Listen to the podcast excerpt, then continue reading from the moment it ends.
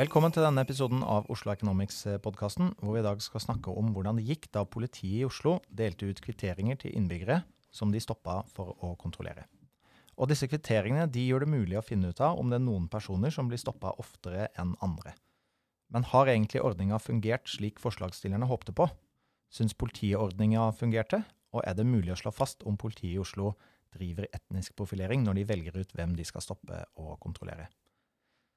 Til å svare på det så har jeg med meg samfunnsøkonomer i Oslo Economics, Eirik Nøren Stenersen. Velkommen.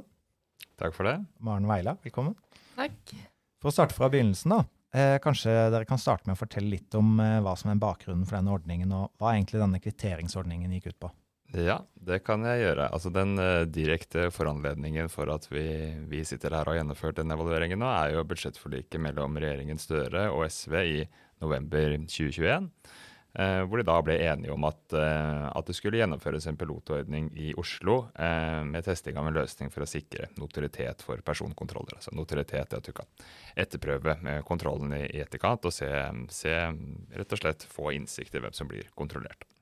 Eh, men dette her var jo ikke noe som kom opp, eh, kom opp i høsten 2021. Dette er det organisasjoner som eh, Organisasjonen mot offentlig diskriminering har jobbet for lenge. Og det var også oppe til behandling i Stortinget i, i 2003. Og Bakgrunnen da for at disse organisasjonene som Om og andre har, har, jobbet for dette, her, er jo en, en, opplevelse de har av at politiet driver en overkontroll av etniske minoriteter, og at det er mangel på mangel på datastatistikk som gjør det mulig for å undersøke om den antakelsen faktisk stemmer. Da. Riktig. Så når denne kvitteringsordningen, da, så hvis jeg blir stoppa av eh, politiet på gaten i Oslo, så får jeg Hva får jeg med meg da? Ja, Da får du en, en papirlapp. Så det, har, det, som har vært i piloten nå, er at de har brukt en blokk med gjennomslagspapir, hvor de har skrevet ned ditt navn og, og din fødselsdato, samt hvilken hjemmel som er brukt for å kontrollere deg. Eh, og så får du med deg da den ene lappen, og så beholder de den andre delen selv. Eh, og i tillegg så fører de inn dette i et uh, digitalt system, i noe som heter INK-SUS, som er ja, utarbeidet for dette. Og så har også politiet et annet saksbehandlingssystem som heter PO, hvor det også føres. Så det er en trippelføring av kontrollene som har foregått nå i den prøveperioden. Ja, Så da kan man finne ut av da, om det er noen som blir eh, stoppa oftere enn andre? Det kan man. Mm. Men det er litt viktig å se hva det er som faktisk føres på, på den kvitteringen. da. For ja. Det som da føres opp, er jo da det stedet du har blitt eh, kontrollert, eh, klokkeslettet. Og så føres navnet ditt opp, og fødselsdatoen, eh, og tjenestenummeret til den som har kontrollert det. Eh, og så gis det da i tillegg et kryss for hvilken hjemmel denne kontrollen er hjemlet i. da. Om det er kontrollert etter straffeloven paragraf 162 eller politiloven paragraf 7 osv. Ja, hva betyr de paragrafene der, da? Eh, nei, hva de betyr. Det er jo eh, Politiet kan ikke bare stoppe tilfeldige mennesker på gata uten grunn. Det må være Du må ha en hjemmel i lov for å kunne foreta en, en kontroll. Så er det litt ulike, ulike hjemler de, de, da har. Eh, og akkurat, eh, akkurat, hva de forskjellige hjemlene, hjemlene sier, det, det har, jeg ikke, har, jeg ikke, foran meg nå. Nei, men Det er jo greit, fordi at deres jobb har jo ikke vært eh, å sjekke akkurat det. Eh, dere har jo evaluert hvordan ordningen har gått, da, om den har fungert etter hensikten. Kanskje dere kan si litt om hva, hva er det, det dere i oppdraget har hatt, har gått ut på? Ja, eh, det oppdraget vi har hatt, er, eh, har egentlig vært, vært, tredelt. Vi har skullet vurdere hvordan dette, denne ordningen har påvirket politiets arbeidsmetoder. Og vi har skullet vurdere hvordan det, dette har påvirket innbyggerne, altså de som blir blir kontrollert. Eh, og også da se på i hvilken grad eh, påvirkningen på politiets arbeidsmetoder og virkninger på innbyggerne, eh, i hvilken grad er det påvirket av hvordan ordningen har blitt implementert. Ja, hva, hva, ligger i det siste? Altså hvordan politiet har klart å gjennomføre ordningen sånn rent eh, teknisk og praktisk? Er det det det handler om? Ja, når de skulle teste ut denne ordningen, så var det i utgangspunktet en teknisk løsning som skulle prøves ut. Og så kan man jo diskutere litt hvor teknisk dette gjennomslagspapiret er. Eh, og i tillegg så har de valgt ut et område for, for eh, eh, prøveordningen, som er Oslo sentrum. Det er relativt avgrenset med det som heter enhetssentrum i politiet. Så det er et område som går fra Ja, det er vel rundt, eh, rundt Slottet, altså opp eh, rundt Ring 2 eh, cirka. Så det er en del sånne sentrale områder som er inkludert, for eksempel eh, Brugata og, og Storgata, som er liksom det åpne rusmiljøet. Og også veldig mye uteliv er inkludert. Eh, Grünerløkka, eh, Carl Berner-krysset. Men, men, så har man utelatt f.eks. Torshov og, og, ting som ligger lenger ute. For det kan, jo, det kan, jo, sies det om en kvitteringsordning at det finnes jo en rekke valgmuligheter når du skal eh, implementere en kvitteringsordning. Hva slags teknisk løsning er det du bruker? Er det en papirlapp eller er det en, er det en app? Eh, hva slags hjemler er det som, eh, er det som gir, en, gir, en, kvittering? Hva er terskelen for, for det? Her har det f.eks. ikke blitt gitt kvittering når du, politiet bare går bort og, og, og, har en samtale med deg og, på, om, om løst og fast, f.eks. Eh, og også da hva slags type informasjon som står på, på kvitteringen, er jo selvfølgelig også en eh, Der har en jo en del valgmuligheter. og Spørsmålet er jo da om, om, dette ville sett annerledes ut om det var annen type informasjon som ble, ble samlet inn, da, f.eks. Mm. Hva, hva innebærer det å bli kontrollert da, av politiet? Innebærer det at de liksom visiterer deg med eh, Sjekker om du har våpen, f.eks.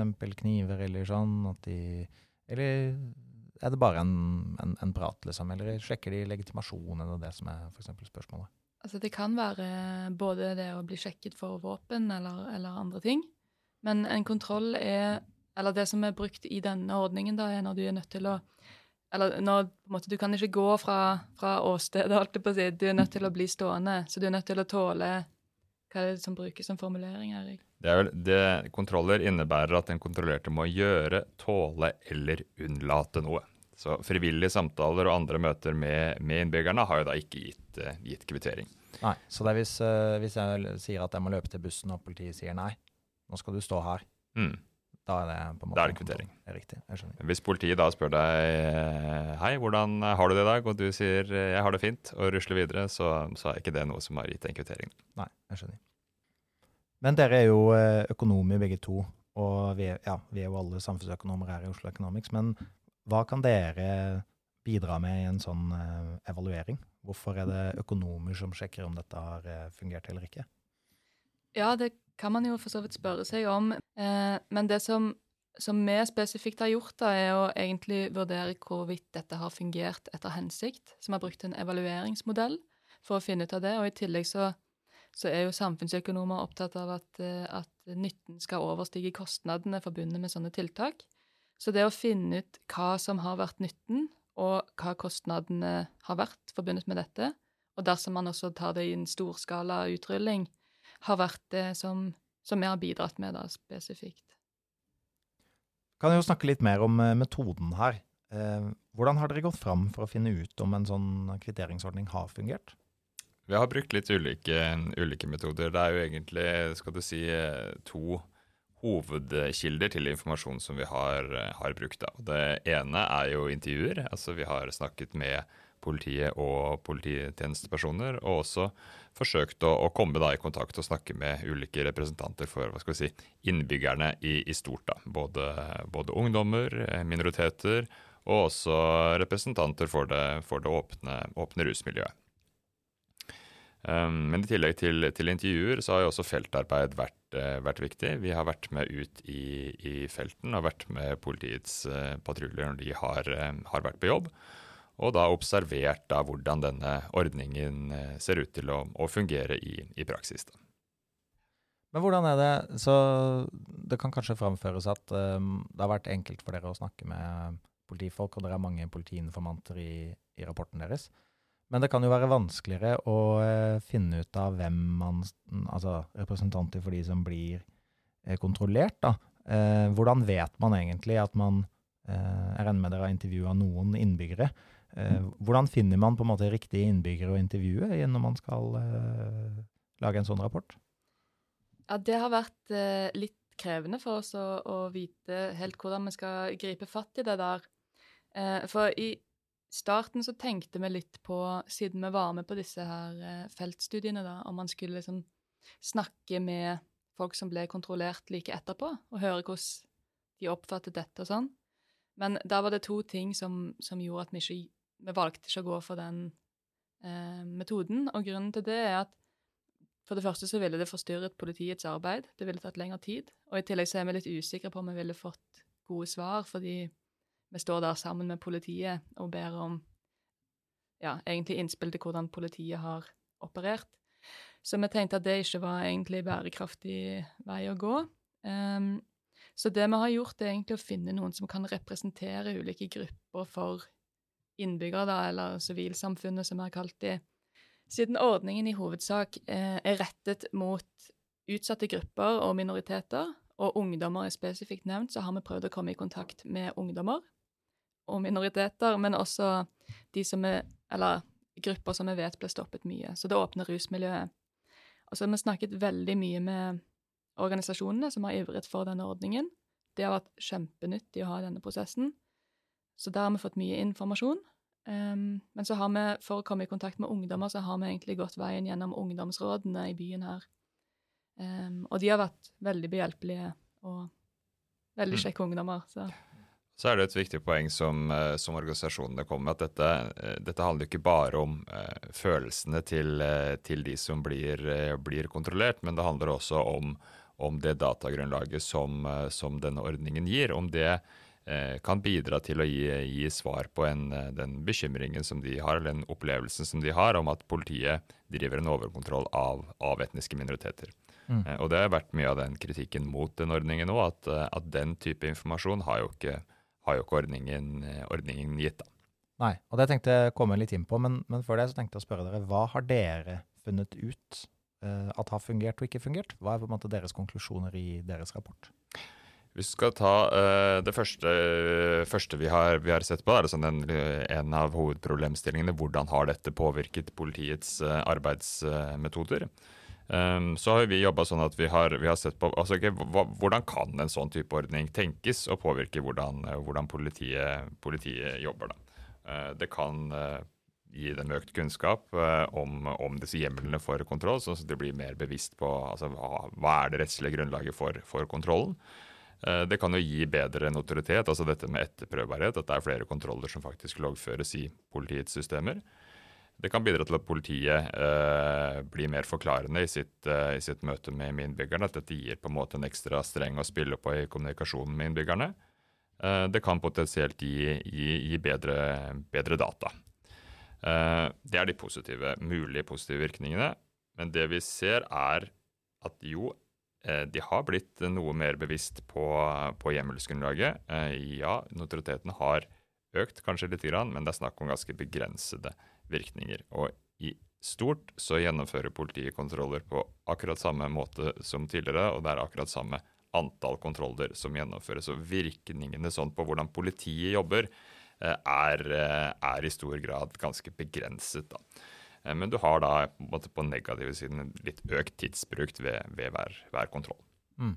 Hva med innbyggerne, da? Hvordan har det påvirka de som eh, Altså, jeg skjønner at det er begrensa med informasjon og informasjonsgrunnlag for å svare på det, da, men har man kunnet si noe om hvordan denne ordningen har påvirka tilliten til politiet, kanskje spesielt i de gruppene som, eh, som det er snakk om?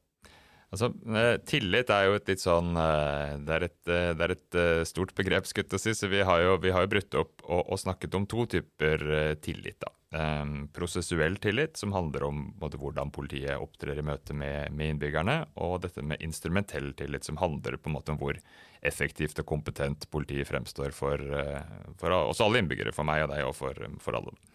Eh, hvis en ser på dette med prosessuell tillit da, og liksom møte mellom politi og innbygger, så fra vårt uh, feltarbeid så ser vi få tegn til at piloten har gjort kommunikasjonen bedre mellom politiet og, og de kontrollerte.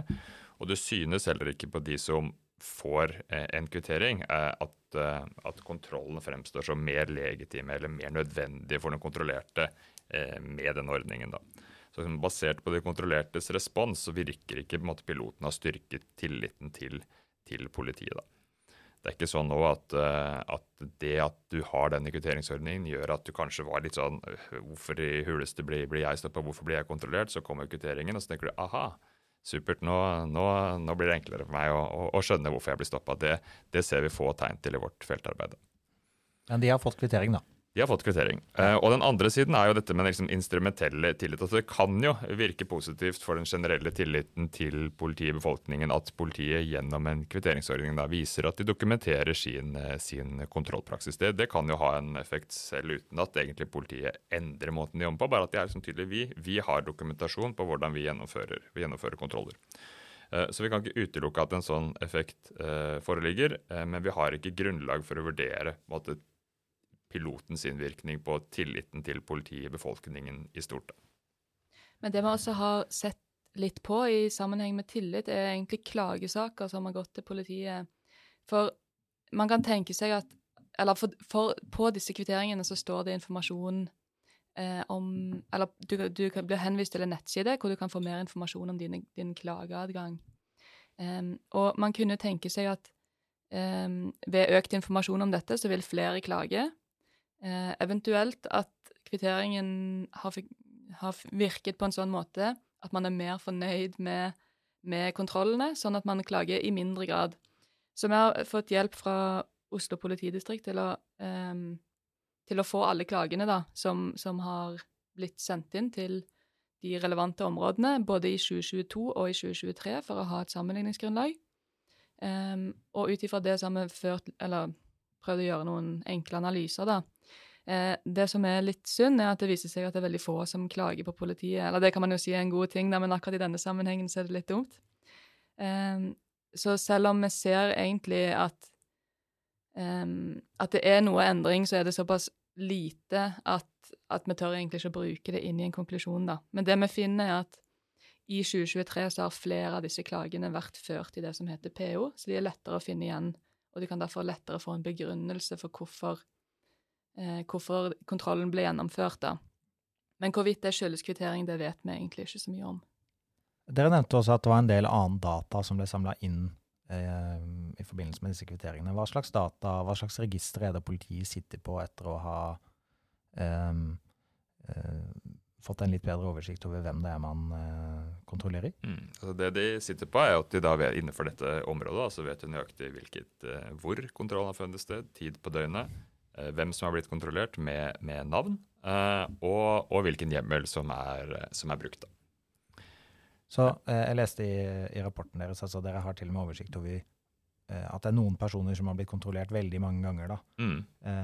hva var det? Det var 55 personer som har blitt kontrollert over Fem eller flere. Fem eller flere, ja. Og en person som hadde blitt kontrollert opp i 17, 17 ganger. Ja. ja. Jeg skjønner jo det, da. Hvis, du, hvis jeg har blitt stoppa av politiet 17 ganger i løpet av noen få måneder, så hva er, det, hva er det som kjennetegner de som blir stoppa mange ganger, da? Vi vet jo ikke kjennetegn vi, vi, vet jo, altså Det er viktig å si at vi har ikke navn på de som har eh, blitt eh, kontrollert. Så vi vet ikke om det er om du har blitt kontrollert eller, andre har blitt kontrollert. Det eneste vi vet, er at vi, har, at det er eh, vi vet et, et sånn ikke-identifiserbart nummer på de som har blitt kontrollert, så vi kan summere opp og se hvor mange ganger en har blitt kontrollert. Da. Men vi har jo ikke noe andre kjennetegn på den personen, men vi ser at den som har blitt kontrollert 17 ganger, er jo da eh, hyppige treff da i, i Brugata og i områder som kanskje typisk assosieres med det åpne rusmiljøet. Da. Okay. Der jeg bor, da. Der du bor. Ja, Det kunne vært meg, da. det kunne vært deg. Ja. Men det vet da vi ikke. Men, eh, men, for alt i verden så kan det godt være at det er du som har stoppa 17 ganger nå. Ja, nettopp. Okay. Det som, det som er litt, uh, en liten feilskilde her, er at, at, det er navn og fødselsdato som samles inn, og ikke fullt personnummer. Uh, og det som Eller det gjør at, at hvis polititjenestepersoner skriver navnet ulikt, så, så, vil de kanskje dykke opp som to personer. Um, men ja, her har det vært gjort en veldig grundig ryddejobb, så vi tror at den dataen vi har, er god på dette. Men det er en potensiell feilkilde, da. Jeg skjønner. Når det kommer til det med, bare for å gå litt inn for landing her, men også touche på det som kanskje er mest vanskelig, så, så har jo ordninga blitt kritisert for at den egentlig ikke gir noe svar på dette med om politiet driver med etnisk profilering. Eh, fordi på disse kvitteringene så står det jo ingenting om etnisitet, f.eks. Hva er det som er, kan du, kan du si litt sånn kort hva, hva har vært eh, hovedkritikken, og hva er, politi hva er, på en måte politiets svar? Eh, hva, er, hva, er, diskusjonen mellom de to sidene? Ja, diskusjonen mellom De to sidene, altså de som har eh, ønsket eh, jobbet for en kvittering, er jo skuffet fordi de opplever at denne ordningen har ikke gitt svar på det de egentlig, egentlig lurer på. Altså hvor, hva er kontroll, politiets kontrollpraksis opp mot opp mot etnisitet. Politiet på sin side er jo av den oppfatning, når juristene dem har sett på dette, at vi har ikke rettslig adgang til å, å samle informasjon om etnisitet. Etnisitet er jo kategorisert som særlig sensitive personopplysninger. Og Det betyr at det er type informasjon du bare kan samle inn hvis det er strengt nødvendig ut fra formålet. Uh, og Når da juristene også ser tilbake igjen på hva, hva som ble bestilt av, uh, av, av, Stortinget, så var ikke det en ordning for å samle informasjon om etnisitet, men det var en pilotordning for å prøve en teknisk løsning for sikring av notoritet for personkontroller. Så det er Stortingets bestilling som gjør at ikke dette har inkludert etnisitet, da. Ja, det kan det. Det er vurderingen til, til juristene i politiet. Og vi har ikke gjort noen ny eh, måte ettergått den juridiske vurderingen i, i, i sømmene. Men det er, det er bakgrunnen for at, at etnisitet ikke har blitt, blitt loggført. Ja, vi har jo, SSB har jo informasjon om eh, personers eh, landbakgrunn f.eks., og, og vet jo hvor folk er født. Kunne man koblet personnummeret mot annen statistikk for å gjøre på en måte statistiske analyser seinere om eh, man egentlig driver med etnisk profilering, eller, eller, vil ikke en sånn analyse i det hele tatt gi noen svar? Men jeg tror det er viktig å tenke over hva, hva er formålet med å, å, samle informasjon om etnisitet? Hva er det, eh, hva er det en har lyst å, å finne, finne, svar på?